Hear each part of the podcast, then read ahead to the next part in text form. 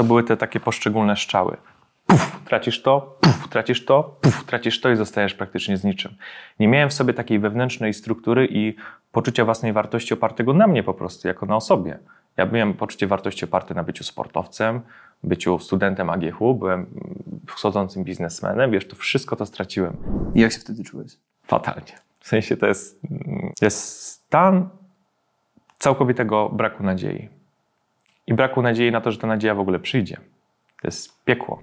Bo kocham tą taką ideę, że mhm. największy progres, czy w biznesie, w życiu osobistym, jest do uzyskania wtedy, kiedy jedną nogą stoimy mocno w tym, co znane, w tym porządku, a drugą nogą jesteśmy w chaosie, czyli w tej przygodzie, w tym nieznanym, w tym potencjale. Więc sztuką jest mieć taką postawę, która równocześnie ma w sobie element pokory, a równocześnie ma w sobie element zuchwałości.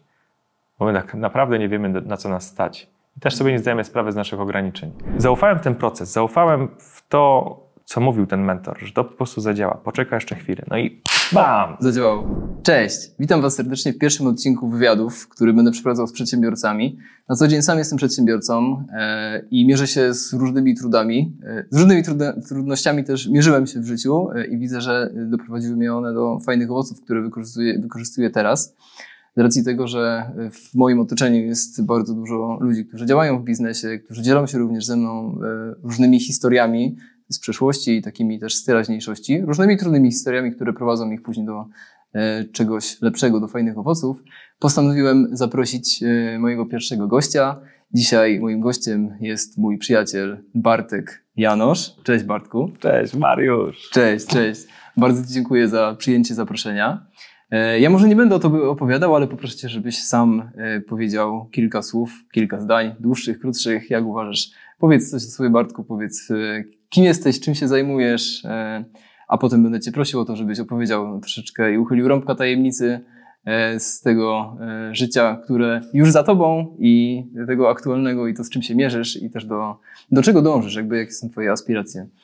Także Bartku, oddaję ci głos i powiedz, kim jesteś? Dzięki Mariusz za zaproszenie. Super koncepcja na program. Może w tym aspekcie biznesowym, bo to jest program dla przedsiębiorców.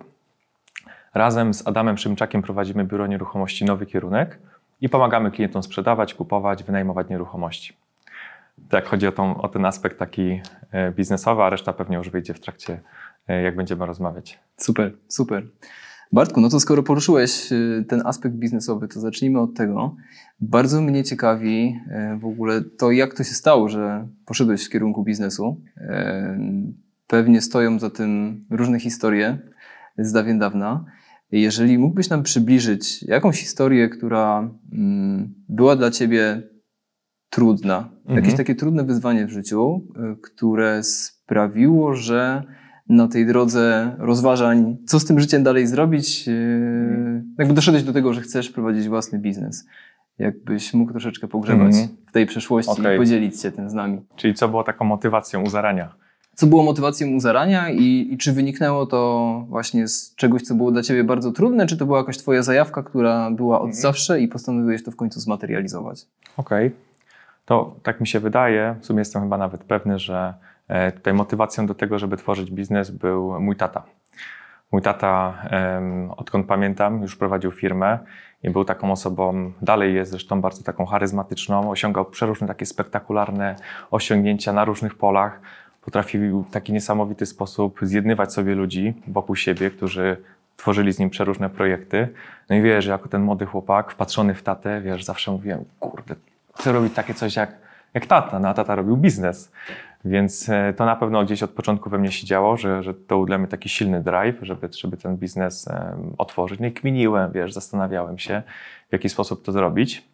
No i gdzieś tam, nie mając jeszcze tego pomysłu na biznes, jeszcze nie będąc do końca przekonany, czy to jest faktycznie ten kierunek, a równocześnie nie wiedząc, co chcę dalej robić ze swoim życiem, poszedłem taką pragmatyczną ścieżką, którą zresztą doradził mi mój tata, żeby pójść na studia na informatykę stosowaną, na AGIech, żeby zostać programistą. No bo jak nie wiedzieć, co robić, to przynajmniej to jest taki temat, wiesz, pewny gdzieś tam jest dobra na to koniunktura. No i tak, jak postanowiłem, tak zrobiłem. Równocześnie jeździłem konno, skakałem w zawodach i pewnego dnia taka lampka się, wiesz, we mnie zapaliła. Mówię, kurde, wiesz, te zawody sportowe są kompletnie nieobsłużone żadnym oprogramowaniem, wiesz. Ludzie skaczą, wyniki się toczą, a wiesz, wszyscy muszą sobie w głowach pamiętać, kto i jaki miał czas, jaki ma miejsce w tabeli wyników, jaki konkurs za chwilę, wiesz. Kompletnie to było w żaden sposób nierozwiązane. I wpadłem wtedy na swój taki pierwszy pomysł, żeby stworzyć Jumping Manager, czyli taką aplikację, która będzie ewidencjonować te zawody w trakcie ich toczenia, nie? Czyli wiesz, jesteś na widowni, i widzisz, o, ten gościu wskoczył na drugie miejsce w tabeli, zaraz wystartuje ten, to wszystko się dzieje online, wiesz, tam w budce sędziowskiej ludzie wprowadzają e, te dane do, do programu, to się łączy z aplikacją. Pomysł fantastyczny, znalazłem na to inwestora. E, na którym roku studiów byłeś wtedy? E, na, na drugim semestrze, na drugim semestrze, drugim semestrze studiów. Mhm. Byłem przekonany, że to się wypali. Jak by to mogło nie wypalić? Już zrezygnowałem ze studiów. Skupię się całkowicie na tym. Tak się sprawa potoczyła, że równocześnie jak realizowałem ten projekt, jak już finiszowałem wersję deweloperską tego projektu, inna firma, która miała oprogramowanie służące tylko i wyłącznie do zapisu się na zawody, bez tej online ewidencji, a miała już część hipodromów, część ośrodków jeździeckich, z którymi współpracowała, zaimplementowała ten mój pomysł, który gdzieś tam sprawdzałem w rozmowach z innymi no, właścicielami stajni, ośrodków. No i projekt runął. E, projekt runął. Okazał się być dla mnie też taką no to był dla mnie bardzo trudny moment, bo pociągnęło to ze sobą serię niefortunnych zdarzeń. Zrezygnowałem z jazdy konnej, więc gdzieś odciąłem swoją tożsamość, którą bardzo silnie budowałem na byciu sportowcem. Odciąłem swoją tożsamość na byciu wschodzącą gwiazdą biznesu. Zrezygnowałem ze studiów, więc moja tożsamość oparta na byciu, nie wiem, programistą czy studiowaniu też gdzieś odpadła i zostałem praktycznie z niczym, z jakimś takim małym, wątłym Bartusiem, który się w sobie skulił i wpadłem w bardzo silną depresję w tym czasie. A dlaczego zrezygnowałeś z tych wszystkich rzeczy? Jakby to doświadczenie, że jakiś większy gracz wszedł na rynek i tak naprawdę zrealizował ten pomysł, który ty miałeś, było dla ciebie tak ciężkie, że podkopało cię to tak y, od strony motywacyjnej i tak. takiej chęci? Co było tym powodem? Pro projekt runął. Mówię o Jumping Managerze. W międzyczasie już wcześniej zrezygnowałem ze studiów, bo byłem święcie przekonany, że projekt się uda, wiadomo. Potem jeszcze padła decyzja, żeby zrezygnować z jazdy konnej, to jakby był taki zupełnie osobny wątek. Więc te wszystkie takie, wiesz, e, źródła, powiedzmy, e, nie wiem. Które dawały ci zajawkę. Które dawały mi zajawkę, które gdzieś mnie też, jakąś moją tożsamość jako młodego człowieka budowały, znikły. I wpadłem w mega ciężki stan, taki przewlekłej, takiej depresji. I jak się wtedy czułeś? Fatalnie. W sensie to jest, to jest tak, jak gdyby mm, jest stan całkowitego braku nadziei. I braku nadziei na to, że ta nadzieja w ogóle przyjdzie. To jest piekło. Wiesz, miałem różne urazy fizyczne, miałem różne takie jakieś tam kraksy, jakieś problemy różnej natury, ale to nawet nie można porównywać do siebie. To jest dolina rozpaczy, to jest miejsce, w którym jest mrok i bardzo myśli, które kierują cię tam, gdzie naprawdę nie chcesz iść. To jest całkowicie odizolowanie się od ludzi, skulenie w łóżku, wychodzenie tylko do toalety przez kilka miesięcy. Więc to są takie bardzo, wiesz, to jest, to jest rzecz, do której, której nie życzę, nie wiem, najgorszemu wrogowi. Może to nie jest fortunne sformułowanie, ale to jest coś takiego. Czy to była taka sytuacja, y, czy taki stan, który powoli się jakby budował y, i w pewnym momencie jakby poczułeś, że to cię przerasta, czy bardziej nagle zorientowałeś się, że coś się bardzo zmieniło, jakby od mhm. strony takiej okay, wiem, psychicznej, tak? Czy to, czy to było takie chirurgiczne cięcie? z nieba, czy, czy to było coś, co się po prostu działo, tylko nie byłeś tego świadom, że wpadasz w depresję? Wiesz co, to były te takie poszczególne strzały. Puf, tracisz to, puf, tracisz to, puf, tracisz to i zostajesz praktycznie z niczym. Nie miałem w sobie takiej wewnętrznej struktury i poczucia własnej wartości opartego na mnie po prostu, jako na osobie.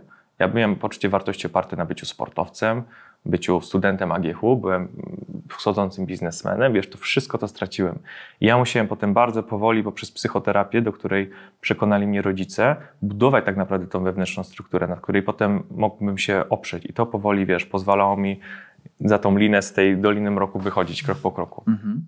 To jest w ogóle bardzo ciekawy wątek, bo ja też spotykam się z wieloma osobami, które no, mają różne trudności mhm. w życiu ta psychoterapia jest dalej trochę takim tematem, mm. tematem tabu, aczkolwiek widzę, że przez ostatnie lata i tak poszło to bardzo, bardzo do przodu, że ludzie już mają większą samoświadomość i, i się na to decydują. Nawet ludzie mówią coach zamiast psychoterapeuta, tak. bo to wciąż ma takie, takie znaczenie. Tak, no, tak, jest, tak. tak jest. Ale czy w Twoim przypadku to było tak, że miałeś tak duże zaufanie do rodziców, że nie zastanawiałeś się, jak ci zasugerowali, żebyś skorzystał z usług profesjonalisty, jakiegoś terapeuty, Mm. to od razu poszedłeś? Czy jednak miałeś taki opór e, przed tym, bo bałeś się na przykład, co ludzie powiedzą, jak się dowiedzą, że chodzisz na terapię? Bo zakładam, że może nas słuchać ktoś, kto ma podobny problem i kto boi się. Wcale bym się nie zdziwił, to jest bardzo powszechny problem. W sensie Tak. ta, ta, ta, ten stan. Mhm. Tak, więc, y, więc może byś mógł opowiedzieć trochę o, o tym, Mhm. jak to się stało, że się Już się zdecydowałeś? zdecydowałem. Mhm. Czy to poszło szybko, czy to był jakiś proces y, dochodzenia do tej świadomości, że jednak potrzebujesz takiej pomocy, nie? Mhm.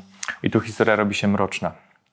Po prostu doszedłem do momentu, w którym wiedziałem, że jeśli tego nie zrobię, nie dam sobie pomóc przez kogoś z zewnątrz, to wiedziałem, że już y, podążam, wiesz, taką bardzo ślepą uliczkę, po której mogą się stać, wiesz, złe rzeczy bardzo. Jakby, wiesz, miałem naprawdę już taki przewlekły, przyciągający się stan smutku, rozpaczy, bólu, cierpienia i zero silver lining, zero jakiegoś y, światełka w tunelu, nic, kompletny mrok.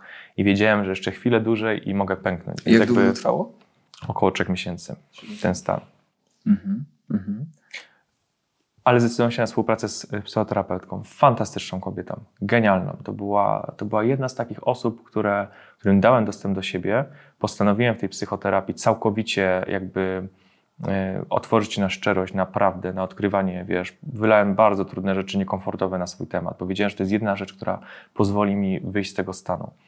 I ta kobieta, ten coach, mentor, po prostu psychoterapeuta w tym przypadku, jakby ta kobieta bardzo mnie poznawała, wiesz, etap na etap. I z tej depresji wyszedłem, potem jakby obserwowała mój rozwój, ten problem ze zdefiniowaniem siebie i w pewnym momencie, znając mnie i widząc, że być może jestem już na to gotowy, przedstawiła mi taką wizję. Bartek, zobacz, dobrze się czujesz w sprzedaży. Bo pracowałem wtedy w sklepie rowerowym jako sprzedawca i lubiłem to robić. I też miałem dobry feedback od klientów, od szefów, miałem dobre wyniki. Powiedział mi Bartek, zobacz kurczę, że może po prostu sprzedawaj dalej, może nie wracaj do programowania, bo to też mi wtedy chodziło po głowie Mhm. i, i pójdź gdzieś, gdzie nie ma tego szklanego sufitu, gdzie możesz realizować te swoje marzenia, jakiś wielki projekt, może wiesz, salon samochodowy, sprzedaż jakichś bardziej luksusowych rzeczy, albo może biuro nieruchomości. I to był ten moment, w którym dzięki tej kobiecie, dzięki temu, że dałem jej przyzwolenie wejścia w moje życie, nastąpiły niesamowite zmiany, bo zdecydowałem się, żeby pojechać do Krakowa i zatrudnić się w biurze nieruchomości. Czyli poznając Cię, zobaczyła też, jakie są Twoje mocne strony Mhm. i dała Ci taką perspektywę, która była dla Ciebie tą nadzieją, że możesz znowu odzyskać tą zajawkę, którą miałeś wcześniej, którą straciłeś, tak? Tak, i zrobiła to w odpowiednim momencie, bo to jest sztuka. Można komuś zrobić dużą krzywdę, dając mu faktycznie tą perspektywę, jego jedyną wspaniałym powołanie w nieodpowiednim momencie, bo ta osoba będzie się mogła sparzyć, Tak. będzie mogła się już całkiem zamknąć w sobie. A poprzez proces psychoterapii, który potem trwał dłużej już po wyjściu z tej depresji, e, ona jakby najwyraźniej wyczuła moment, w którym to się urealniło. Aha. Okej. Że warto było spróbować, nie? Wskoczyć na głęboką Tak. wodę, zmierzyć się z chaosem. Tak, tak, tak. Bardzo ważne, podejrzewam, że w takich sytuacjach jest to, że muszą być obok ciebie ludzie, którzy są w stanie podać ci łapę i pociągnąć cię Tak. e, we właściwą stronę. Nie? Jakby w tym przypadku, z tego co mówisz, takimi osobami były w pierwszej kolejności twoi rodzice, Tak. którzy zobaczyli, że coś e, niepokojącego się dzieje i pokierowali cię, e, dali ci jakąś, powiedzmy, sugestię, nie? Że, bo to była twoja decyzja, ale oni ci Tak. zasugerowali, że może pewnie warto byłoby. Oferowywali mi ciepło, zrozumienie, taką opiekę też dodatkowo, nie? Tak, tak.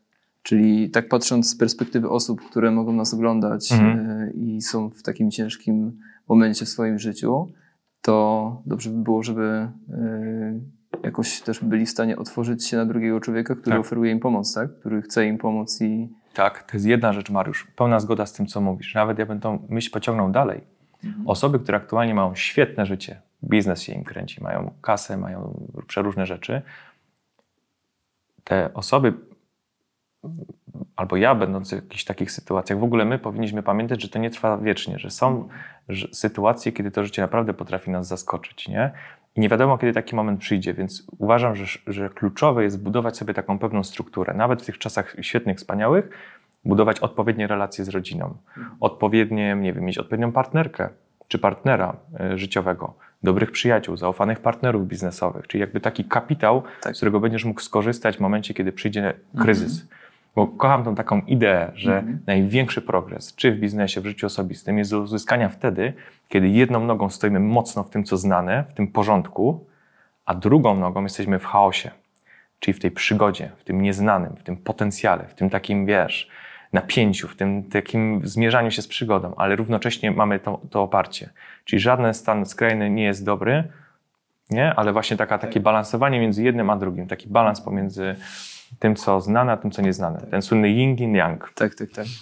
No to jest ciekawy wątek, jeszcze poruszymy to, bardzo mnie ciekawi. To Okej. jeszcze Ci zadam to pytanie dzisiaj, jak y, w kwestii równowagi y, w życiu, czy udało Ci się ją osiągnąć, czy masz y, ją w takim stanie permanentnym, ale zanim przejdziemy jeszcze do tego wątku, to jedna rzecz mnie bardzo zainteresowała, bo opowiadałeś na początku, że Twój ojciec był, jest przedsiębiorcą i tak mocno Ci po, postawił poprzeczkę, y, trochę może Mhm. niecelowo, bo on sam Mhm. pewnie był mocno zajawiony na to, co robi, no ale ty jako jego dziecko obserwowałeś i w jakiś Tak. sposób chciałeś powielać te wzorce i być taki jak tata, nie? Tak to chyba działa. Ja też tak miałem w swoim dzieciństwie i My synowie chyba tak w ogóle mamy. E, To jest ta taka bardzo ścisłe i mocne powiązanie z ojcem, nie? Tak. które możemy zaprzeczać temu, ale to ma. tak, tak, tak, tak. I powiedziałeś później coś takiego, że bardzo mocno skupiłeś się na, e, na tym, co takie namacalne, czyli e, na tej zajawce związanej z jeździectwem. E, Zrozumiałem to w, ta- w taki sposób, że skupiłeś się na tym, co, co daje ci jakby nie tylko zajawkę, ale trochę taki status, prestiż. Aha. I, A, już wiem. I wtedy, kiedy to straciłeś, y, wpadłeś w taki gorszy moment w swoim życiu. Mm. Powiedziałeś też, że Tak. mocno identyfikowałeś się Tak. e, z tym jakby zewnętrznym otoczeniem, które sobie stworzyłeś, tak? Tak, I jak tak, to tak, zostało tak, zabrane, to wtedy ty zniknąłeś, nie? tak. I jakby nie widziałeś w tym siebie. I zastanawia mnie to, e, jak, jak się zmieniło postrzeganie, e, jak ty sam siebie jakby zacząłeś postrzegać po, po tym procesie terapeutycznym Mhm, mhm. i jak to wygląda teraz, jak prowadzisz biznes? No bo Mhm. jak prowadzisz biznes, to co jakiś czas masz jakieś efekty biznesowe. Zresztą znam twój biznes i, i, i wiem, że tam są świetne owoce. Mhm. E, I w jaki sposób ty teraz identyfikujesz się e, z tym finalnym efektem działania w biznesie? Jakby, czy Mhm. bardziej jest tak, że odkryłeś siebie Mhm. i niezależnie od tego, czy masz sukces, czy nie, to A. myślisz o, sobie w podobny sposób? Mhm. Czy masz jeszcze to, że myślisz o sobie w zależności od tego, jakie masz wyniki? Dobre pytanie. Poruszyłeś w sumie parę wątków, nie? Ale zwróciłeś na taką jedną rzecz uwagę, że powiedziałeś słowo prestiż. Tak. Ja bym chciał właśnie trochę w tym temacie też powiedzieć, nie? że mój tata, znowu wracamy do kwestii wątku ojca, e, już powiedziałem, że osiągał różne wyniki, jest bardzo charyzmatyczną osobą, e, bardzo lubianą, popularną. E, natomiast i robił dla nas mnóstwo wspaniałych rzeczy, dla mnie, dla rodzeństwa. Wiesz, raz do roku jechaliśmy na przykład na rejs do Grecji, na takiej jednej łajpie, integrował całą naszą rodzinę, czypaliśmy się w kupie, pomagał mi bardzo pod kątem logistyki, zawoził mnie, odwoził, też finansował mi jakieś chociażby tą jazdę konną. Natomiast był taki jeden problem w naszej relacji. On wynikał z e, też e, z jakiejś zaszłości w relacji mojego taty z jego byłym tatą. E, W każdym razie tata nie potrafił mnie pochwalić z iskrą wokół.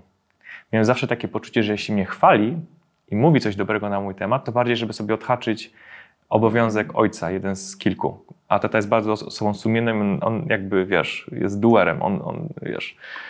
Ale nigdy nie czułem się podbudowany po tym. Nie? Z jednej strony widziałem, wow, po prostu tata jakieś nie do, nie do dorównania, nie? A, wiesz, a ja w trochę w jego takim cieniu.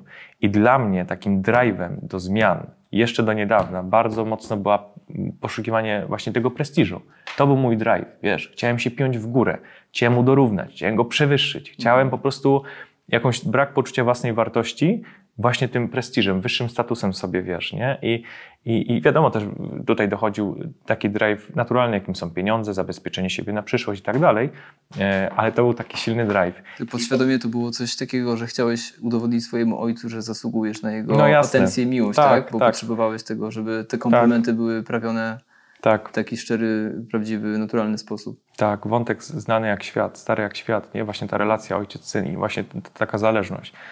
I teraz Mariusz, tata poczynił niesamowite kroki e, w tym, żeby na różnych polach, bo na pewnym etapie naszego życia bardzo były duże napięcia między mną a tatą, bardzo. było między nami naprawdę krucho. I doszło do takich niesamowitych przemian. Tata pokazał bardzo silną jakby taką postawę do zmian, zaczął ze mną więcej rozmawiać, zaczął mnie bardziej jakby, wiesz, doceniać, dostrzegać różne rzeczy. Ja się też bardzo otwarłem na okazywanie mu o wiele większej, y, większego szacunku. I doszło do pewnego takiego momentu krytycznego w tym stanie bardzo trudnym. I ta kula śnieżna, taka na razie, wiesz, malutka zaczęła rosnąć, rosnąć, rosnąć, rosnąć. I aktualnie jestem w takim stanie, że wiesz, mówię do niego nawet nieraz tatuś, tulimy się, nieraz wiesz, ze łzami w oczach, okazujemy sobie dużo szacunku, zrozumienia, też podziwu nawzajem.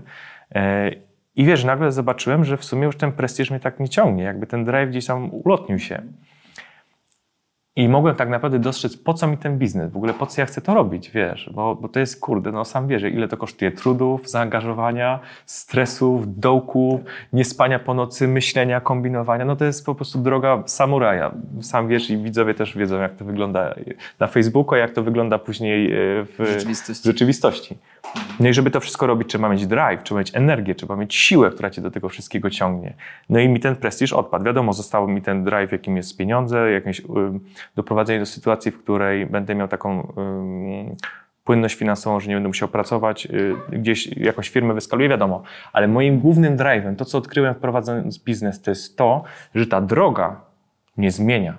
Ja się staję dużo bardziej zaradną osobą, znacznie bardziej skuteczną, w lepszy sposób zawiązuję relacje z ludźmi, potrafię lepiej rozumieć wiele problemów, wiesz, i, i to w moim życiu prywatnym później ma niesamowite przełożenie, że ja się zmieniam jako człowiek, że każdy ten trud, każdy ten stres, to jest jak takie, wiesz, uderzenie młotem w dłuto, w taki wielki granit, jakiś taki kawał e, kamienia, który potem po każdym takim uderzeniu, jak wyjdziemy z różnych trudów, tworzy potem statuę takiego gościa, takiego faceta, który potrafi czynić bardzo dużo dobra wokół siebie, zjednywać sobie ludzi wokół siebie, tworzyć piękne, wspaniałe projekty, pomagać innym.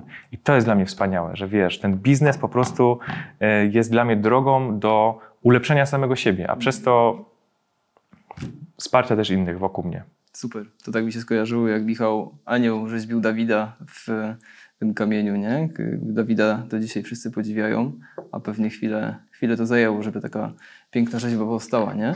I to w ogóle to, o czym mówisz, to mm, bardzo jest mi to bliskie, bo y, ja sam przez długi czas miałem y, tak, że stawiałem sobie cele i szczęście uzależniałem od osiągnięcia tych celów. Mhm. I jakby zawsze to się nie udawało, bo czasami udało się zrealizować jakiś cel, e, czasami się nie udało, czasami mhm. jakby ten czas się strasznie przeciągał i, i miałem cały czas takie poczucie takiego niedosytu. Mhm. I też w pewnym momencie zorientowałem się, że, e, że to nie cel, tylko droga, że tak. ten proces e, zmiany, mhm. zdobywania doświadczenia, mhm. że to samo w sobie może dawać frajdę. Tak. I to jest ciekawe właśnie, bo wracając do tego pytania odnośnie tej takiej sztuki równowagi w życiu, tak to bardzo mnie to ciekawi, jak to jest u Ciebie.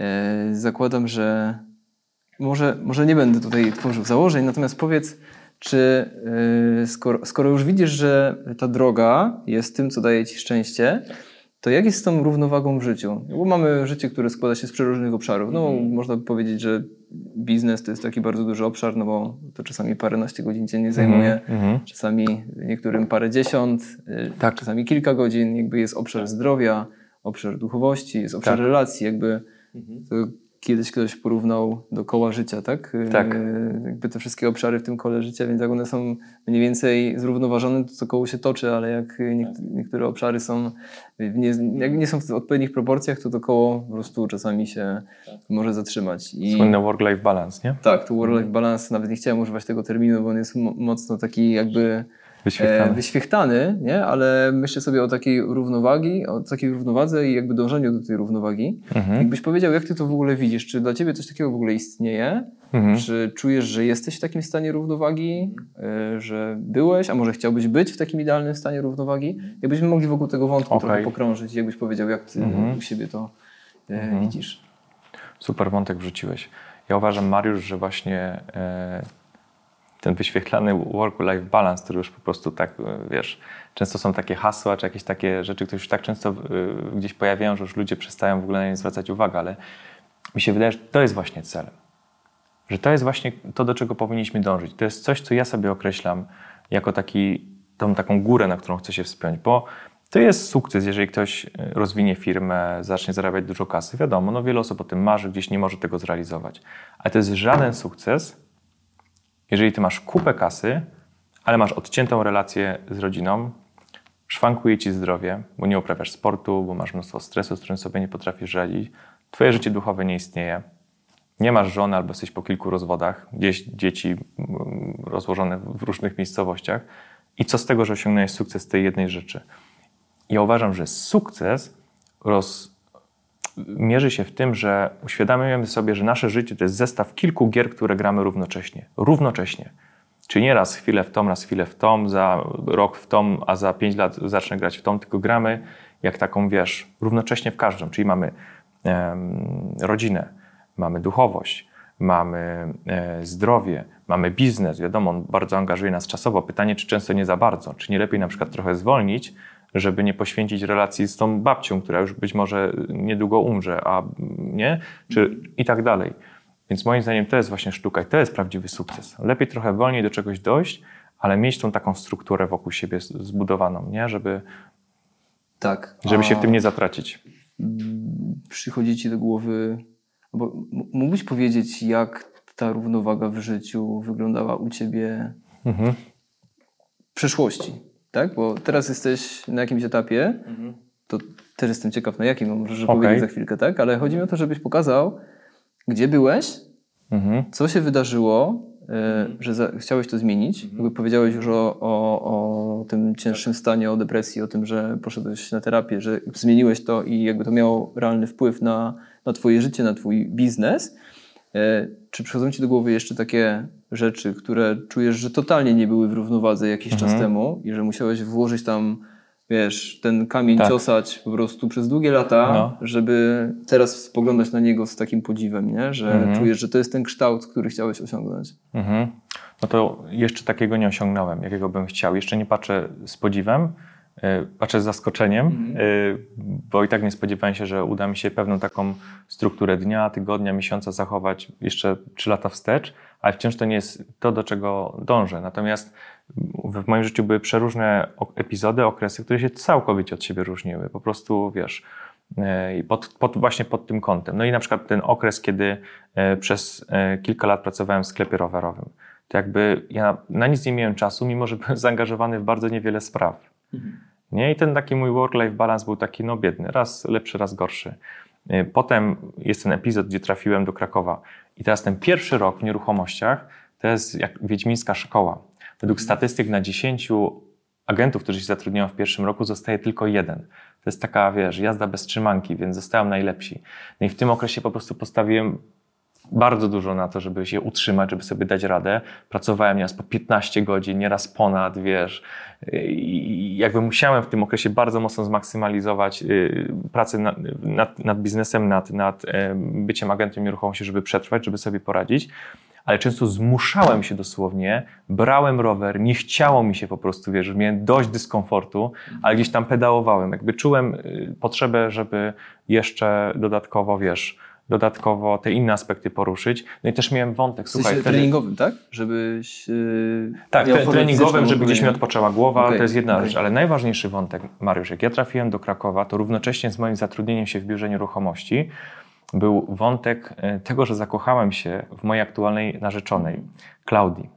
I Klaudia wtedy i teraz jest najbliższą przyjaciółką mojej siostry.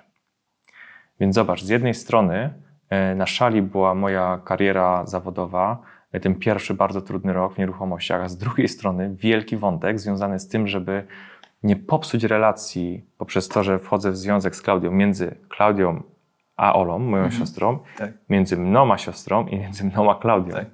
I to był taki, wiesz, rok też ciężkiej pracy na relacji, yy, nauka bycia takim uważnym emocjonalnie, takim empatycznym, więc te dwie, dwa wątki, więc jak gdyby... Co wtedy robiłeś? Co wtedy robiłeś, żeby faktycznie opanować, zapanować nad tym, żeby te relacje się nie popsuły? Mógłbyś tutaj coś mhm. więcej nam powiedzieć? Tak. Bardzo uważnie przyglądałem się emocjom, które się odgrywają e, zarówno w Oli, jak i w Klaudii. I starałem się je bardzo dobrze słuchać, spędzać z nimi dużo czasu, Nie, wiesz, nie, to był trudny bardzo wątek, ale starałem się z nim zmierzyć. Nie chciałem go gdzieś tam, wiesz, dać na bok, zobaczymy, co się stanie, tylko chciałem wziąć za to pełną odpowiedzialność. Jak tata gdzieś się przysłuchiwał rozmowom na temat tej sytuacji, mówił tak, Bartek, możesz to spieprzyć, albo możesz to uratować, nie, wiesz. I strasznie wziąłem fokus na to, wiesz do jednej, do drugiej przychodziłem z kwiatami, wiesz, prowadziliśmy jakieś rozmowy, e, no dużo takich rzeczy się działo, ale generalnie to było sfokusowanie się na tym, czyli okej, okay, tu jest biznes, tu jest ta druga gra, e, Ola z, z Klaudią i, i, fokus na to, jakieś dodatkowe ekstra godziny, żeby to obsłużyć, jakkolwiek to brzydko nie brzmi, nie? Żeby ten czas spędzić, nie?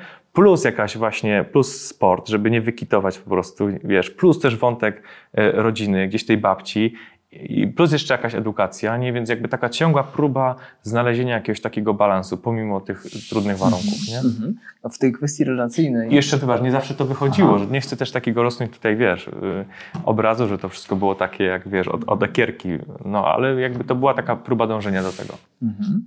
E, chciałem cię dopytać odnośnie tej kwestii relacyjnej, jakby ty, twoja narzeczona, twoja siostra, czy to był taki moment, w którym ty się dużo bardziej musiałeś otworzyć na drugiego człowieka niż do tej pory, bo nagle była akumulacja, jakby dwie ważne osoby, to wszystko dzieje się równocześnie i ty chcesz uratować te relacje.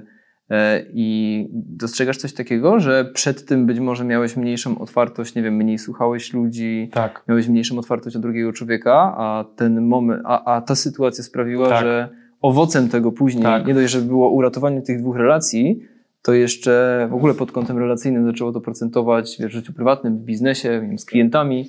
Ten wątek y, moglibyśmy pociągnąć? Tak. Bóg jeden wie tak naprawdę, jak te światy się przenikają. Ta sfera prywatna z tą sferą biznesową, ale właśnie te wszystkie rzeczy, właśnie w tym konkretnie, naprawdę było stąpanie po cienkim lodzie. I bardzo duża taka uważność relacyjna, żeby tutaj czegoś nie schrzanić, wiesz. Jedno złe słowo, jedne coś, wiesz, ma potem bardzo duże reperkusje, więc potem podobnie jest w pracy z klientami, nie, wiesz. Zwłaszcza jak się sprzedaje mieszkania, czy jak się pomaga kupować, to są ogromne emocje. To jest drugi najbardziej stresujący moment w życiu człowieka, sprzedaż mm lub kupu do mieszkania. Tak. Więc jakby jest między tym oczywiście połączenie, te kropki się oczywiście łączą, nie? Więc ym, tak, to jakby to wszystko są takie naczynia połączone. -hmm. Tak dopytuję o to, bo widzę w biznesie coś takiego, że bardzo wielu przedsiębiorców jest mocno sfokusowanych na wyniku. Tak. E, I to ich trochę definiuje. W sensie oni się z tym identyfikują. Dlatego to, o czym mówiłeś wcześniej, jak bardzo tak ze mną grało, bo ja się często z tym spotykam, obserwując innych ludzi.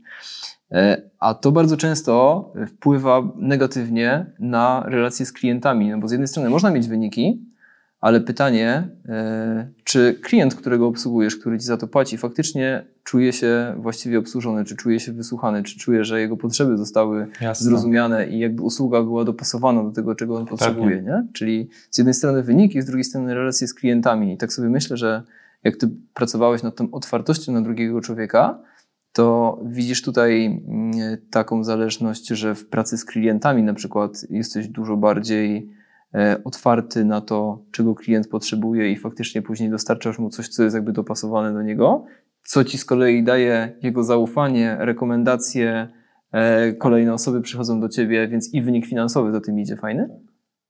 Tak, najlepsi sprzedawcy, czy najlepsi doradcy nieruchomości, czy w ogóle uważam, ludzie to są ci, którzy potrafią wysłuchać przed tym, jak coś powiedzą. Potrafią jakby faktycznie, empatycznie się w kogoś słuchać, a nie tylko, wiesz, udawać, że słuchają, myśląc już nad tym, co temu komuś odpowiedzą. I to jest moim zdaniem sztuka, że właśnie wracając do wątku biznesowego, żeby nie traktować klienta jednostkowo, typu, wiesz, zarobić, odłożyć, następny, tylko traktować każdego klienta jako taką osobę, która mm, no, poniesie gdzieś wieść o Twoim standardzie, o Twojej formie obsługi, o tym, jak pracujesz dalej. I moim zdaniem klienci nam płacą również za ten komfort psychiczny, jaki my im zapewniamy a my im zapewniamy go przez to, że oni czują, i tak faktycznie jest, że my dokładnie wiemy, czego oni chcą, dopasowujemy naszą usługę pod to, czego oni chcą, pogłębiamy te przeróżne tematy, wsłuchujemy się. Najlepsi sprzedawcy to są ci, którzy słuchają, a nie gadają. Mhm.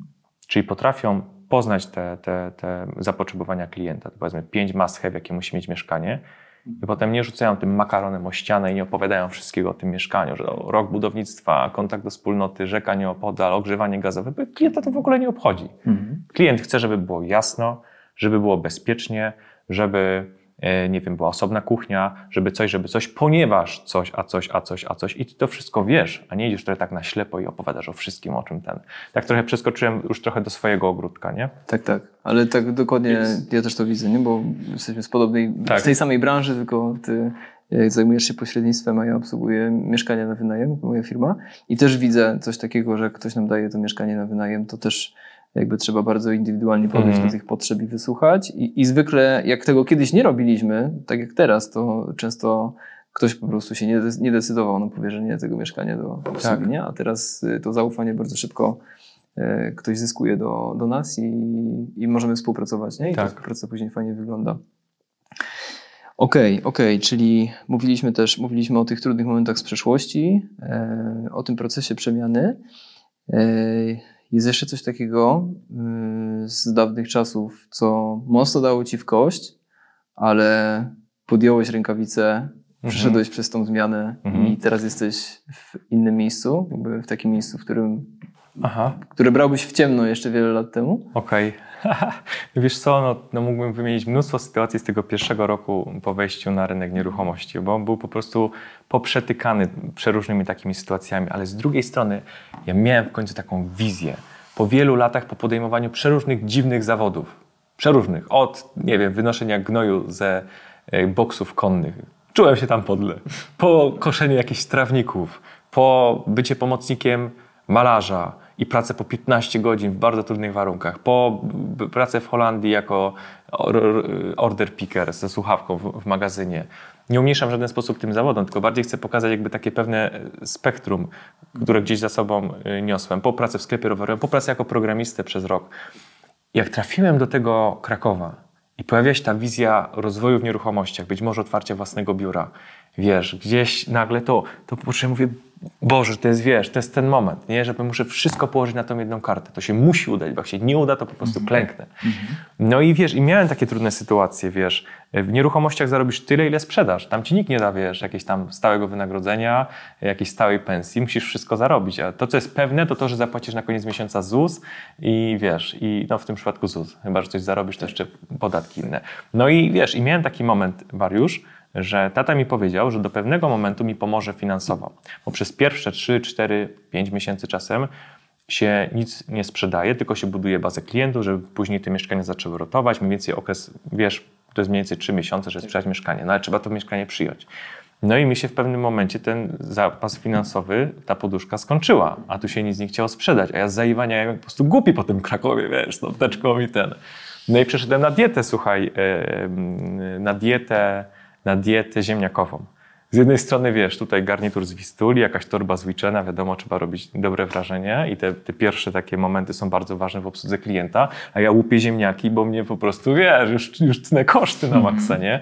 No i to były takie momenty, wiesz, trudne, takie, wiesz, no nie tak sobie to Co wtedy wyobrażałem. myślałeś o sobie? Jak siedziałeś w kuchni, ubierałeś ziemniaki, a za chwilę wiedziałeś, że Myślałem jedziesz na sobie- mieszkanie, wkładasz garnitur, bierzesz Tak. aktówkę do ręki i masz sprzedać mieszkanie. Tak, myślałem sobie tak. działo. Myślałem sobie tak, jest źle, żeby nie powiedzieć tragicznie.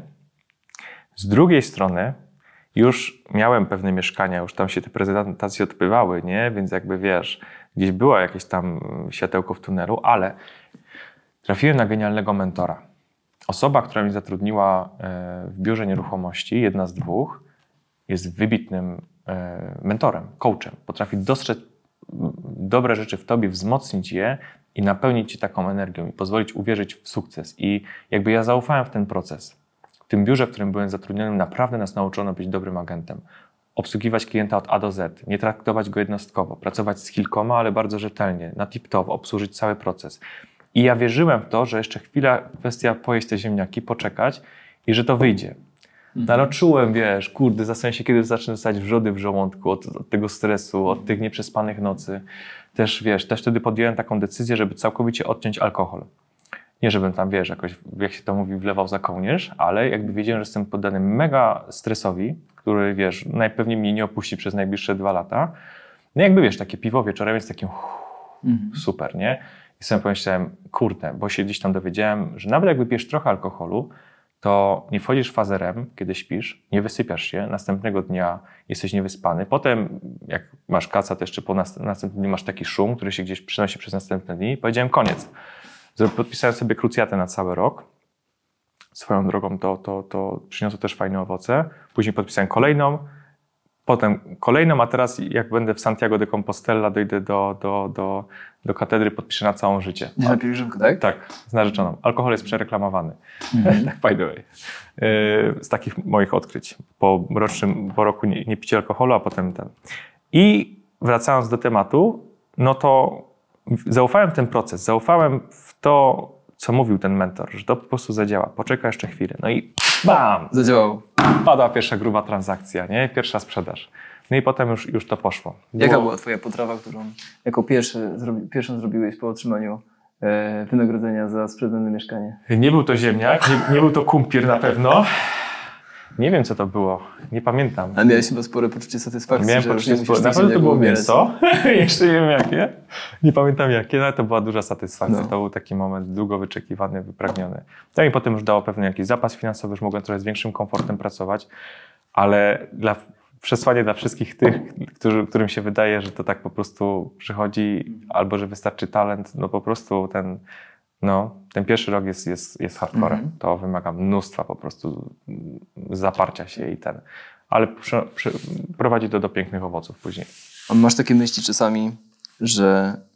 Bo myślę sobie, że trudne, trudne sytuacje w życiu mogą być taką kotwicą. Jakby z jednej strony można o nich myśleć, że przydarzyły się i że to było trudne i że to jakaś niesprawiedliwość nie spotkała i można iść bardziej w tą negatywną stronę postrzegania tego, co się wydarzyło. Tak. Z drugiej strony można mieć to jako punkt odniesienia, no bo pewnie nie chcesz więcej obierać ziemniaków i jeść ich tylko na obiad. Nie? Tak. Być może gdyby tak się y, stało i byłaby taka potrzeba, tak. to wiedziałbyś, że raz już przeszedłeś przez tą ciemną dolinę, wyszedłeś z tej doliny i teraz za chwilę poobierasz i, i za chwilę jakby znowu wyjdziesz na prosto, mm. nie? Znaczy, te momenty takie trudne są dla ciebie właśnie taką kotwicą, że myślisz sobie, że nie, za cholerę już tych ziemniaków nie będę obierał, więc cisnę teraz, żeby mhm. e, nie wiem, wyprowadzić biznes na prostą, żeby tak. wiem, popracować nad tą relacją, jak widzisz, że coś się psuje, nie? Albo kręgosłup cię boli, bo za dużo siedzisz przed komputerem na przykład, no to mhm. może trzeba y, więcej zaangażować się jakby w ten tak. rozwój fizyczny i w sport. Tak to jest mocna odskocznia, wiadomo, nie? Stres, trudne emocje to jest coś, od czego chcemy odejść, od czego chcemy uciec, więc jakby jest taki, taki drive, żeby walczyć, ale z drugiej strony takie sytuacje mogą też kogoś przytłoczyć i pogrążyć. Mogą sprawić, że ktoś się już nie odblokuje. Więc od początku starałem sobie ułożyć taki mindset, że okej, okay, otwieram firmę, własne biuro nieruchomości w pewnym momencie. Przede mną długi marsz, droga samuraja, droga wojownika, będzie ciężko. Będą momenty chwały, będą momenty notariusza, transakcji, pieniędzy, ale będą momenty też różne trudne. I faktycznie były.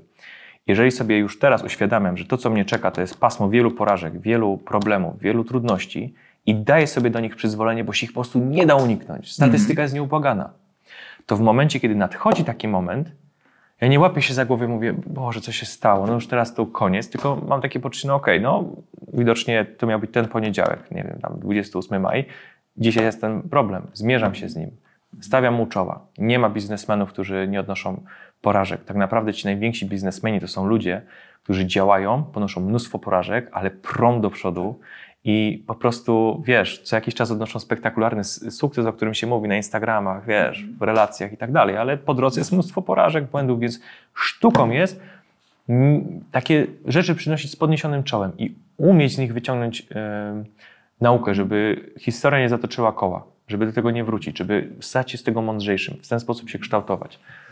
To są momenty fantastycznej nauki, bo można z tego naprawdę dużo rzeczy wyciągnąć i się nauczyć, stać się bardziej skutecznym, kompetentnym przedsiębiorcą. Yy, powiedz Bartku, bo podkreślałeś kilka razy, że żeby mieć wizję, żeby wiedzieć dokąd iść, tak? Że z jednej strony są osoby z zewnątrz, które obserwując Cię, mogą ci coś zasugerować, mogą zobaczyć twoje mocne strony, tak. swój potencjał i mogą ci jakby kawałek tej wizji stworzyć, z którą ty zaczniesz się identyfikować i zaczniesz pójść w tą stronę. Ale pamiętasz, w którym momencie twojego życia zacząłeś mieć taką wizję, taką bardziej długoterminową, zacząłeś myśleć właśnie o sobie yy, no, w, w, kategoriach jakiejś takiej zmiany, nie? że dążysz, dążysz do takiego tak jakiegoś większego celu. I, I na ile ta wizja później faktycznie dawała ci to paliwo, żeby w sytuacjach, w których e, musisz obierać ziemniaki, tak. żeby coś zjeść, nie? I, bo nie masz kasy. Tak. E, To żeby w takich sytuacjach właśnie wyjść z podniesioną głową z mieszkania i pojechać sprzedać to mieszkanie, nie? E, możesz powiedzieć właśnie, jak to było e, z tą wizją? Tak. Jak, jak sobie zacząłeś tą wizję układać? Kiedy? Mhm. I jak zacząłeś ją realizować, nie? Bo jedna, jedna rzecz to jest mieć wizję, ale druga rzecz to jest wdrożyć jakieś działania, które doprowadzą cię do tego, żeby ta wizja stała się rzeczywistością. I to jest najtrudniejsze, nie? Bo często są zajawki, są marzenia, Tak. ale jest duży problem z realizacją. Jakbyś mógł o tym opowiedzieć, jak to u ciebie w życiu działało? Pełna zgoda z tym, co mówisz, Mariusz, że faktycznie trudno w coś trafić, jeżeli my w to nie celujemy. Mhm. W coś pewnie trafimy, ale nie wiadomo w co. I czy w ogóle będziemy mieć energię, żeby y, coś tworzyć bez jakiejś wielkiej wizji. Więc ja nie wierzę w takie działania spontaniczne, typu jakoś to będzie i taka codzienna bieżączka. Odkryłem takie wspaniałe narzędzie. Nazywa się dumnie Self-Authoring Program. Czyli taka platforma, która pozwala napisać historię bohatera, pewną wspaniałą opowieść, w której ty grasz główne skrzypce, jesteś głównym bohaterem. Teraz to, co powiedziałeś, że są różni ludzie, oni w niesamowity sposób inspirują, nie wiem, Tony Robbins czy, czy cała reszta pozostałych, tylko oni mają pewne swoje predyspozycje, pewne swoje jakby możliwości. Często to nas trochę przytłacza, ale za to daje wspaniałą inspirację. Natomiast ten, to oprogramowanie Self-Authoring Program stworzone przez Jordana Petersona to jest bardzo rozbudowany system do tego, żeby przerobić swoją przeszłość, przerobić teraźniejszość, ale przede wszystkim napisać plan na przyszłość. A temu całość, bo żeby wiedzieć, gdzie chcemy iść, musimy wiedzieć, gdzie jesteśmy teraz. A żeby wiedzieć, gdzie jesteśmy teraz, musimy wiedzieć, skąd w zasadzie przyszliśmy. I w tym oprogramowaniu na stronie internetowej, po wykupieniu dostępu, krok po kroku jesteśmy przeprowadzani za rękę przez wszystkie segmenty. Czyli w przeszłości radzimy sobie z jakimiś traumami, uwalniamy się trochę od tej przeszłości, lepiej ją rozumiemy, wyciągamy nauczkę, wyciągamy przesłanie. W teraźniejszości odkrywamy swoje mocne strony, swoje słabe strony. Trochę lepiej poznajemy siebie. To jest w ogóle taka trochę przyspieszona psychoterapia. I magia zaczyna się w Future Authoring Program. Bo Future Authoring Program pozwoli ci wyabstrahować, co ty tak naprawdę chcesz osiągnąć w następnych kilku latach. Dlaczego chcesz to osiągnąć? Czy na pewno ty chcesz to osiągnąć, a nie na przykład jakieś twoje dziecko w tobie, które gdzieś tam chce ojcu dorównać, nie?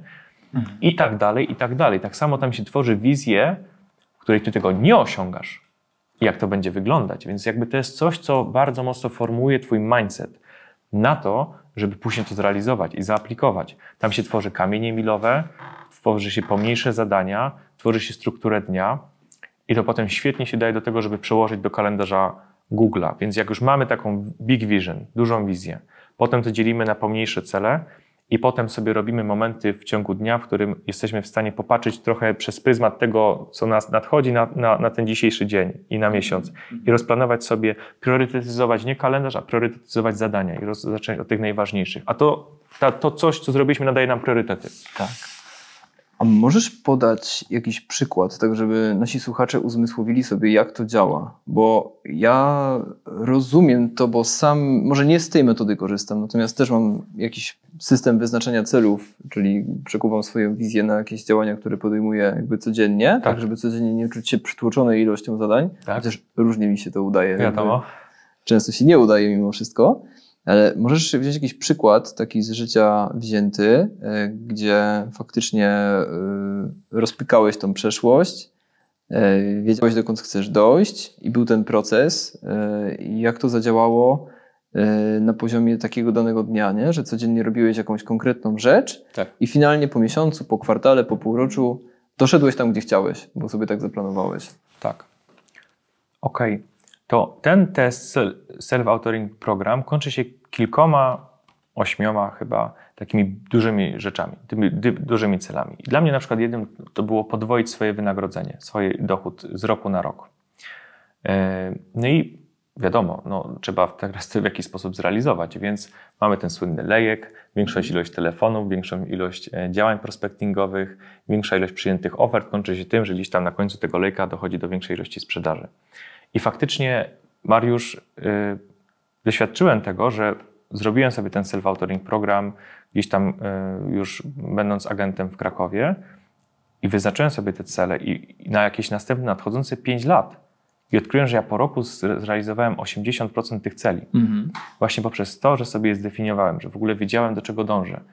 I to nawet to gdzieś tam siedzi w tyle głowy i po prostu wpływa na te decyzje, które podejmujemy. I, więc to jest taka jedna rzecz, nie? Czyli, czyli zwiększenie swoich dochodów. Czyli taki namacalny owoc, że faktycznie więcej kasy było po roku więcej... E, i tak naprawdę większość celu zrealizowałeś w 20% czasu, bo tak. planowałeś 5 lat, to idealnie zasada Pareto się w to wpisuje, tak. że 80% efektów, 20% tak. czasu zaangażowanego. Swoją, no. Drogą, swoją drogą właśnie tego typu narzędzia, takie myślenie nad biznesem, a nie praca w biznesie, tak. to jest to 20% czynności, jakie my wykonujemy jako przedsiębiorcy, które nam przynosi 80% tak. skutków. Tak. Więc warto się odgrzebać z tej roboty pilnej, zatrudnić kogoś, oddelegować te rzeczy, żeby móc pracować nad tym wszystkim. Mhm. Ale wracając do tego wątku, to taką drugą rzeczą, albo jeszcze wracając do, do tych gier, było to, żeby zbudować piękny związek z moją narzeczoną. I ja sobie tam wyznaczyłem konkretne rzeczy. Mhm. Wyznaczyłem sobie tam medytację dziękczynną, wyznaczyłem sobie tam konkretną ilość czasu, jaką chcemy ze sobą spędzać, wyznaczyłem sobie to, że będziemy czytać wspólnie razem książki, czyli nie po prostu, że chcę być dobrym mm, tem, y, chłopakiem dla mojej dziewczyny, tylko konkretne rzeczy, wiesz. I, I, to jest jedna z też takich kolejnych rzeczy, które się udało później zrealizować. Bo ten program pokazuje ci, jakby, dlaczego ty chcesz to zrobić, czy na pewno, i to wiesz, sprawia, że jest takie krystalicznie jasne, że ty faktycznie już potem nie podważasz tych rzeczy, bo już to zrobiłeś wcześniej, w tym 12-godzinnej pracy i a czy twoja, twoja narzeczona, co, co powiedziała po jakimś dłuższym etapie, w którym ty pracowałeś w, tym, w ten sposób i jakby realizowałeś te cele takie stricte relacyjne? Bo zakładam, że mówiłeś jej o tym, że nad tym tak. pracujesz, tak? A mieliście później jakąś taką rozmowę podsumowującą, na której ona ci powiedziała, że Bartek, jestem niesamowicie pod wrażeniem tego, jaką robotę wykonałeś po tym czasie i zmieniło się to, to i to w naszej relacji? Mieliśmy tak, Mariusz. I w tym samym momencie ja jej podziękowałem za jej proaktywność i za konkretne rzeczy, które ona zrobiła w relacji. I w sumie tak sobie oboje stwierdziliśmy, że to, co sprawia, że my chcemy ze sobą być, jest wiele tych rzeczy, ale taka jedna rzecz, która nas, taki spokój w sercu, wiesz, y, sprawia, że czujemy, to jest to, że my potrafimy nad sobą pracować. Mhm. Czyli startujemy z jakiegoś punktu A, ona z jakiegoś punktu B, teraz już się, wiesz, trzymamy za ręce, tworzymy związek i rozwijamy się, wsłuchujemy się w swoje potrzeby, uczymy się być dla siebie przyjaciółmi i to nam daje tą pewność, że wiesz, ja się Klaudii oświadczyłem, ona powiedziała tak, to jest jedna z tych rzeczy, która sprawia, że my nie boimy się teraz E, wejść z sobą w związek małżeński, bo wiemy, że nawet jak przyjdzie kryzys, przyjdzie trudny moment, to my potrafimy nad sobą pracować i to faktycznie działa i możemy te konkretne rzeczy powyliczać. Ona po swojej, Klaudia jest niesamowicie proaktywna, bardzo nastawiona na pracę relacyjną. Nie zagrzebujemy spraw pod dywan, robimy, wiesz, trudne case omawiamy, trochę poświęcamy do tymczasowy komfort na poczet, wiesz, tego, żeby coś nie gnieździć, nie zamiatać pod że to nie urosło, nie rozsadziło naszego związku na jakimś etapie. Więc to jest niesamowite, że jakby, wiesz, mamy to poczucie, że, że nawet jak będzie kicha, nawet jak my się gdzieś zboczymy nie tam, gdzie byśmy chcieli, różnie może być, to będziemy potrafili się przeorientować i razem, wiesz, znowu zacząć pracę nad sobą. Czyli taka otwartość na zmiany obydwu stron tak. oraz taka rzetelna praca nad swoimi słabościami po to, żeby w jakiś sposób to nie wiem, służyć drugiemu i tak. też zmienić siebie dla kogoś. Bardzo mi się, y, skojarzyło mi się to od razu, jak opowiadałeś o swoim tacie, jak mieliście ten cięższy czas w waszej relacji y, i opowiadałeś o tym, że jak twój tata zaczął mieć taką większą otwartość, większą jakby dostępność dla ciebie, Zresztą, co by tu mówić, jakby znam twojego tatę i ja mhm. też y, jakby wiem od niego, jaką on wykonał pracę mhm. nad sobą po to, żeby y, jakby pomóc tej relacji waszej wejść na y, w ogóle na, na nowy poziom. Tak. A, I znam jakby twoją historię, ile ty się natrudziłeś, więc to jest kolejny przykład, że jeżeli dwie osoby tak. widzą to, że jest potrzeba jakiejś zmiany, bo coś nie działa między nimi tak. i są otwarci na siebie, są otwarci na jakiś konstruktywny feedback, nie biorą tego do siebie, i faktycznie robią coś, żeby jakieś swoje złe nawyki zmienić, jakieś swoje zachowania w stosunku tak. do drugiej osoby, no to tak jak mówiłeś, wtedy dzieje się magia i ta relacja po jakimś czasie e, jest jakby na zupełnie innym poziomie, jeśli chodzi o jakość, nie? Nawet jeżeli na początku to wychodzi siermiężnie, bo trzeba po prostu uznać, że na początku jest siermiężnie ze wszystkim. Na początku się potknie, na początku nie wyjdzie tak, jak się chciało, ale jeżeli się widzi, że ta druga strona zaczęła pracę i no, nawet to nie wychodzi, ale próbuje, stara się i odwrotnie, wiesz, to nawet nie musi być efektów widocznych, ale jak widać tą chęć do zmiany, nie? I wiesz, to jest też super, Tak. że nie ma się od razu co nastawiać na jakieś spektakularne rzeczy, nie? Ale już ta otwartość na zmianę robi robotę. Super, super. To Bartek, to porzeźbiliśmy trochę w Twojej przeszłości, a y, mówiłeś też o tym trochę, mm, co, co, co robisz aktualnie w firmie. Jakbyś miał teraz powiedzieć, tak podsumować sobie swoje życie właśnie w kontekście biznesowym, relacyjnym, zdrowotnym, e, to jak to życie teraz wygląda? Gdzie teraz jesteś? E, kim się stałeś e, dzięki tym doświadczeniom? Jak na to patrzysz? Co myślisz o sobie? Mhm. Pierwsze, co mi przyszło do głowy, taka rzecz, jak o tym mówiłeś, to jest to, że nabrałem mnóstwo pokory. Wcześniej byłem bardzo butną, pewną siebie osobą i poniosłem mnóstwo porażek. I zobaczyłem, że jednak taki super nie jestem. Więc to jest taka rzecz, którą w sobie noszę, która też, też, też wpływa na to, że podejmuję mądrzejsze decyzje, właśnie poprzez tą, tą jakąś drogę, którą przeszedłem. Więc tak chodzi o jakiś taki rozwój osobisty. To jest taka rzecz. Druga rzecz, no to jest to, że już liczymy z Klaudią miesiące do tego, żeby wyjść za siebie. A jeżeli chodzi o, o, o ten aspekt biznesowy, e, no to na pewno to, że nowy kierunek nieruchomości, biuro nieruchomości, które współtworzę z Adamem, no po prostu dobrze działa. Wiesz, klienci nam dają pisemne rekomendacje po, po, po transakcjach. Mamy 66 ocen 5.0 e, jak dotąd e, w Google, żadnej jeszcze poniżej. Klienci chwalą nas, rekomendują. E, I też taka rzecz, e, Toastmasters, które to jeszcze tutaj nie padło. W Krakowie i w ogóle na całym świecie są takie fantastyczne miejsca, gdzie można się w niesamowicie sposób rozwinąć. To jest Toastmasters, klub, w którym szkoli się liderów i mówców publicznych. Od tego roku jestem prezesem tego klubu i razem z zarządem. Gratuluję. Dzięki. Gratuluję. Super. To jest fantastyczne miejsce do tego, żeby odkryć też jakiś swój potencjał, rozwinąć go.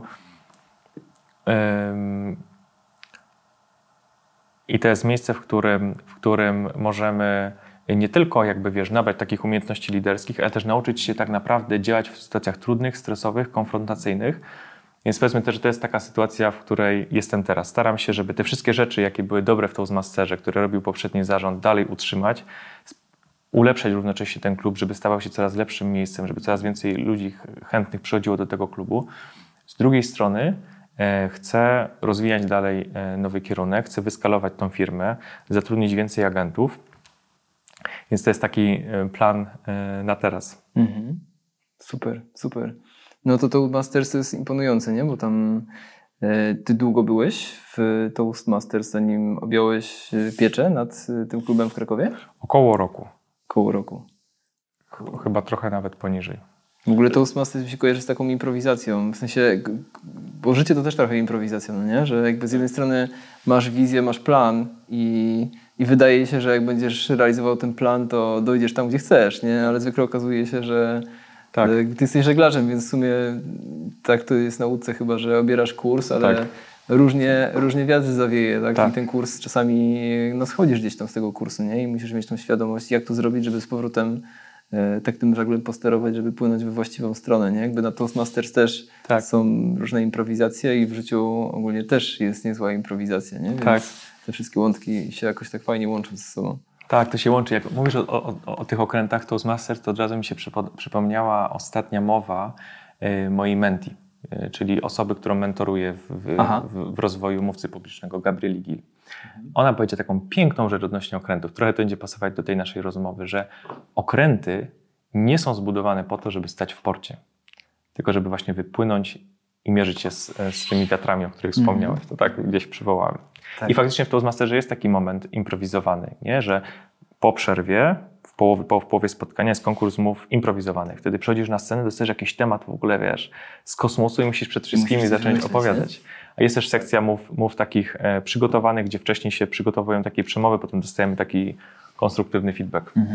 Musisz koniecznie przyjść w końcu na ten Bardzo z tych chętnie, spotkań. bardzo chętnie. Kiedyś, kilka lat temu nawet się przymierzałem do, do tego, ale oczywiście jakby wiatr zawiał mocniej w inną stronę i e, nie dopłynąłem już do tego kursu, który planowałem, ale no inspirujące jest to, o czym mówisz, więc kiedyś przynajmniej jako gość chętnie zajrzę do Was. Stoję na, na, na pomoście, żeby przycumować twoją sumę do tego. Bartku, powiedz mi jeszcze taką rzecz. Ym, Y, jest twoja, no, prowadzisz, ten, prowadzisz biznes i opowiadałaś, opowiedziałeś mi też o planach rozwoju. Y, jak to zrobić, żeby się nie zajechać rozwijając firmę? No bo jak się zaczyna, pewnie tego dużo doświadczyłeś, opowiadałeś o tym, ja też jak zaczynałem biznes, to była praca po kilkanaście godzin dziennie przez kilka lat, przez dwa na pewno. E, potem człowiek już sobie jakoś to bardziej zaczyna układać w głowie i, i zaczyna patrzeć trochę innymi kategoriami, nie? że nie tylko ilość czasu poświęcanego, ale jakość decyzji, które podejmujesz, tak. ludzie, których zatrudniasz, tak. E, klienci, którymi się otaczasz i jakby tam sieć naczyń połączonych. Mhm. Masz taką intuicję, co robić w sytuacjach, kiedy będziesz chciał wynieść biznes na nowy poziom. Będzie to wymagało przepotężnej pracy do wykonania, mhm. ale masz też to doświadczenie takich trudnych momentów, jakiegoś zajechania, mhm. depresji e, i czy masz taką intuicję, co zrobić, żeby się nie zajechać, rozwijając biznes? Bo dużo ludzi ma z tym duży kłopot. Może te biznesy wyglądają super, ale gdyby zobaczyć, jak życie środka, danej osoby nie? wygląda tak od mm. środka, nie na mm. Facebooku, tylko w rzeczywistości, tak. no to to jest bardzo, nie wiem jakiego porównania użyć, ale na pewno to nie jest życie, które jest w równowadze. Tak. E, więc pewnie trzeba trzymać rękę na pulsie, nie? żeby nie okazało się zbyt późno, że mhm. nie przypilnowałeś tematu. Tak. Jak, jaki, jaki masz plan na to? Wiesz co, nie chcę też wychodzić z roli autorytetu, Aha. nie? bo tak jak mówię, nie mam tego wszystkiego idealnie poukładane, ale spróbowałem pewnych rzeczy które mogę już teraz powiedzieć, że świetnie działają. Na pewno to cała idea biohackingu jest czymś takim wyjątkowym, czyli jakby to takie konkretne rzeczy, które można stosować, które wpływają na naszą produktywność, skupienie, jakość snu. No to mamy na przykład lodowate prysznice, to jest taka świetna rzecz, ale właśnie w kontekście redukcji stresu, odpoczynku, to jest wstawanie o 5 rano. Czyli jakby zupełna zmiana tego e, dnia, tego jak on przebiega. Czyli wstajemy E, bardzo wcześnie rano, mamy 20 minut sportu, czyli mamy ten, ten, element sportowy, potem mamy 20 minut medytacji czy jakiegoś rozwoju duchowego, potem mamy 20 minut na edukację, rozwój, później mamy godzinę na planowanie, później coś, później coś, później coś, gdzie jeszcze wszyscy śpią, a my już załatwiamy najważniejsze sprawy związane z biznesem, gdzie obniżymy nasz kortyzol zaraz po tym, jak staniemy, pobiegamy, e, że wiesz, nie ma takiej sytuacji losowej, zadzwoni do nas klient, coś nas wybije, tylko pracujemy, kiedy całe miasto śpi. Wszyscy śpią, jest cisza, nie ma żadnych powiadomień, czegoś gdzieś, a my pracujemy nad biznesem wtedy, a potem wchodzimy ten. To na pewno świetnie działa. Na pewno takie rzeczy prozaiczne, które łatwo przegapić, czyli odpowiednia dieta, wracając jeszcze do tego odpowiednia ilość snu, zrezygnowanie z alkoholu, z jakichś papierosów, z jakichś innych y, używek, jeśli ktoś, ktoś je stosuje. Więc takie prozaiczne, proste rzeczy. To na pewno jest coś, co łatwo przegapić, a, a, a w zasadzie mam niesamowite przełożenie, nie? To jest taka jedna rzecz. Druga rzecz moim zdaniem, to żeby się nie zajechać, to trzeba e, słuchać ludzi mądrzejszych od nas, którzy wiedzą, jak się nie zajechać i zrobili już e, dziesiątki różnych świetnie prosperujących biznesów. Czyli dać sobie ten czas, zagwarantować go sobie na edukację. Czyli czytanie, spotykanie się, jakieś y, networkingi, rozmowy z mądrzejszymi od nas, którzy nauczą nas w jaki sposób y, zatrudnić asystenta, w jaki sposób, nie wiem, skalo, w jaki sposób delegować zadania, y, żeby tą pracę później wykonywał zespół, żebyśmy mogli, mieli więcej czasu na myśli nad biznesem. To jest na pewno też, też taka rzecz, nie? czyli jakby danie sobie też czasu na rozwój, nie zanurzenie się tylko w tej takiej bieżączce, tylko taka ciągłe patrzenie też z jakiejś innej perspektywy. Mhm. Y, jak wdrażasz te elementy zdrowotne, to to jest tak, że to jest taki długi proces, który się dzieje już od jakiegoś czasu i ty dokładasz sobie kolejne cegiełki do tego. Czy był taki moment, kiedy stwierdziłeś, że chcesz robić to wszystko, wstałeś rano i zacząłeś to wdrażać? No właśnie. To jest, dlatego też mówię, że nie chcę wyjść tutaj z roli autorytetu, bo wiesz, mówię o tym piątej rano, że to jest świetne i faktycznie przez półtora miesiąca stosowałem to e, i to świetnie działało, ale gdzieś tam potem, wiesz, jakieś, e, coś się wydarzyło, wypadłem z, z tego obiegu nie wiem, teraz na przykład przed spotkaniem, przed wywiadem robiłem oddechy Wima Hofa, mhm. więc jakby próbuję tych różnych rzeczy, ale jest cholernie trudno jest zaimplementować wszystkie naraz i wdrożyć po prostu i stać się taką machiną po prostu przedsiębiorczości, więc e, wydaje mi się to, co się u mnie sprawdza, to jest wybranie sobie jednej, dwóch rzeczy, wdrożenie ich jako nawyk i później dokładanie całej reszty, czyli nie wszystko naraz, bo po prostu nie jesteśmy w stanie tego, tego znieść. Wystarczyło Ci siły woli na tak. realizację kolejnych. Tak? No, to jest trochę tak jak z myciem zębów, tak, że przez całe życie myjemy te zęby i teraz wiemy, że po prostu rano tam, no Tak. zależy się ile, ile razy ktoś, ktoś ma potrzebę umycia tych zębów, ale to jest coś naturalnego, nie? Jakby mi ciężko się położyć spać, jak jakby Tak, nie umyję pewien zębów, nawyk, nie? Że nawet nie myślisz, a I na, już gdzieś... Tak, tak, tak, nie? I y, jak to wejdzie już w taki poziom trochę nawet nieświadomy, nie? Że po prostu musisz to zrobić, nie? Jakby chcesz to zrobić, to pewnie to jest przestrzeń, żeby dokładać jakieś kolejne rzeczy. Ale pewnie też masz doświadczenia takie, że próbowałeś dużo takich biohaków czy Tak. jakichś praktyk zdrowotnych wdrożyć. No i e, wstawałeś o 5 i przez 3 godziny po 20 czy tam po 15 Tak. minut robiłeś daną rzecz, nie? Tak. I po miesiącu czy po dwóch poczułeś, że jakby mięsień siły woli się już wykończył, zajechałeś się i już po prostu masz awersję do wdrażania tego. Więc tutaj też trzeba mierzyć siły na zamiary i tak jak mówisz, pewnie wybrać kilka rzeczy, które Tak.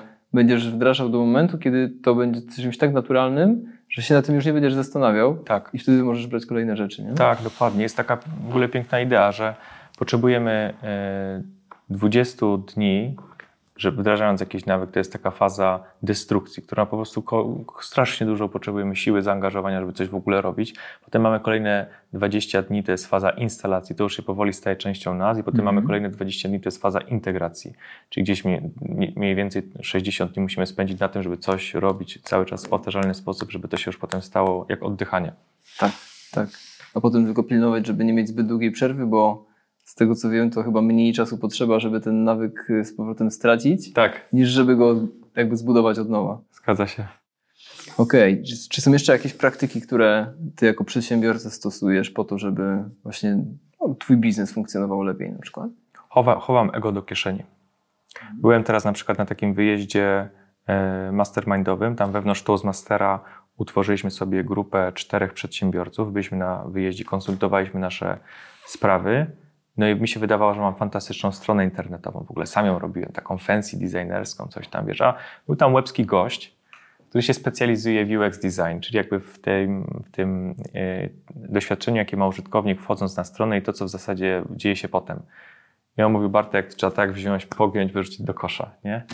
No i mógłbym, wiesz, od razu tam moje mechanizmy takie, wiesz, zacząłem wchodzić w dyskusję, ale mówię, kurde, gość zęby na tym zjadł. Po prostu to zrobię, zaimplementuję i będzie działać. Więc to jest też taka rzecz, którą warto zrobić, żeby się nastawić na to, że popełniamy mnóstwo błędów, że mamy w sobie, i też taka postawa, Mariusz, to jest, to jest coś, co odkryłem, zobacz, że mamy w sobie mnóstwo potencjału, w który nie wierzymy. Mamy w sobie mnóstwo ograniczeń, z których sobie nie zdajemy sprawy, więc sztuką jest mieć taką postawę, która równocześnie ma w sobie element pokory, a równocześnie ma w sobie element zuchwałości. Bo my tak naprawdę nie wiemy, na co nas stać. I też sobie nie zdajemy sprawy z naszych ograniczeń. Więc taka uważność i takie, wiesz, takie, mm, takie mądre podejmowanie decyzji, właśnie patrząc przez ten paradygmat. Mhm. To trochę tak jak w tym yin-yangu, o którym mówiłeś, nie? że Trochę tak. pokora, zuchwałość, Tak. że zawsze y, to, to nie jest nic takiego jakby stałego, tylko to jest cały czas taka, y, takie przeciąganie liny między jednym a drugim, nie? że jak Tak. coś za bardzo przeciągniesz w jedną stronę, no to jest To wpadamy, to mhm. niekomfortowe, czy nie, niezbyt dobrze się kończy. W drugą stronę podobnie, Tak. ale też niedobrze jak lina nie jest napięta. Tak, zgadza się. Nie? Zgadza się, że musi być tutaj tak, tak, pełna zgoda. Mhm. Mhm. Musi być tutaj jakby pewne, pewne takie napięcie między tymi dwoma stanami, ale to jest to, to, co na pewno odkryłem, że pojęcia nie miałem, na co mnie stać i byłem przekonany, że mnie stać w niektórych obszarach na dużo więcej. Okazało się, że jestem tam taki mały. Mhm. Więc warto mieć ten taki dystans, ale też się nie bać podejmować wyzwań Tak. i konfrontować z rzeczywistością. Super, super. Mógłbyś jeszcze powiedzieć, kto miał na ciebie największy wpływ w życiu?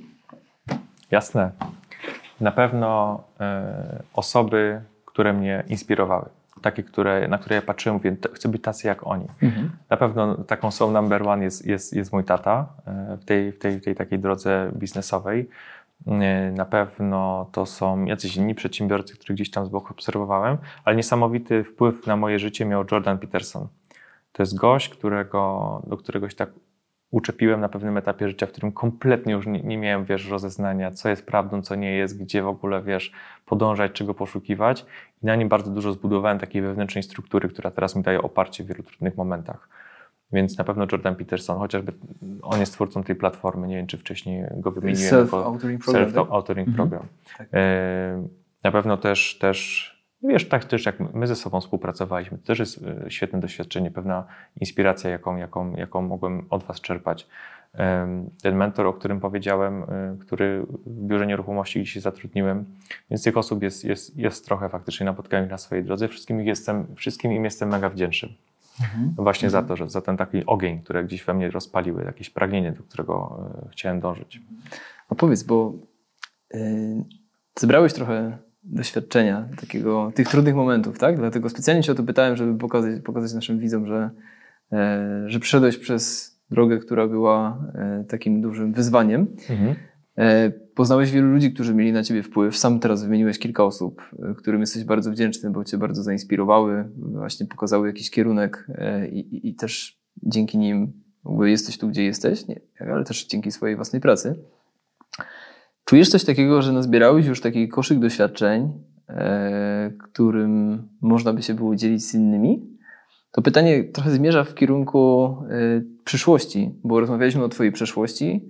Zapytałem Cię o to, o to jak jest teraz. Mhm. A kolejnym moim pytaniem miało być, jak chcesz, żeby było, bo e, wiem, że masz spisane wizje. Tak. Nie wiem, jak długoterminowe one są. to pewnie zaraz się podzielisz. Okej. Okay. E, I co dalej? Co planujesz e, w swoim życiu dalej? I na ile czujesz, że to doświadczenie, które mm, zdobyłeś, jest mhm. czymś takim, czym chcesz się podzielić ze światem, z innymi ludźmi, mhm. żeby tak samo jak ktoś wpłynął na ciebie, żebyś ty był osobą, która zapali drugiego człowieka, czy w biznesie, czy wiesz, w relacjach, w rodzinie, czy po prostu kogoś zupełnie nieznajomego. Co myślisz? Wiesz co, moim zdaniem w ogóle założenia Twojego podcastu i cała wizja na cały ten program też bardzo mocno ze mną rezonuje. Uważam, że to jest fantastyczne, że ktoś może się kimś zainspirować.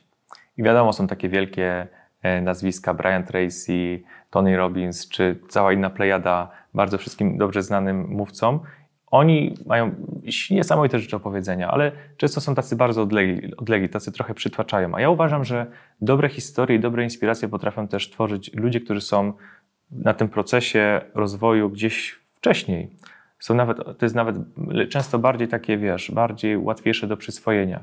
I, i, i chcę po prostu, wiesz, nie tylko się skupić na własnym biznesie, nie tylko się skupić na rozwoju własnej firmy, żeby to całe moje know-how zostało tylko u mnie, bo nie chcę się nim dzielić, bo konkurencja, bo coś, tylko chcę mieć taki wymiar, w którym ja się dzielę jakąś wiedzą, y, czymś, co zdobyłem, jakimiś doświadczeniami, inspiruję kogoś, równocześnie czerpię z innych, którzy na to w jakiś sposób odpowiadają. Więc to taka y, też misja szerzenia jakichś pewnych praktyk, które być może u innych się też sprawdzą, też jest gdzieś w, w, na, tym, na, tym, moim, powiedzmy, top 5 rzeczy, które chcę robić na dalszym etapie. Mhm.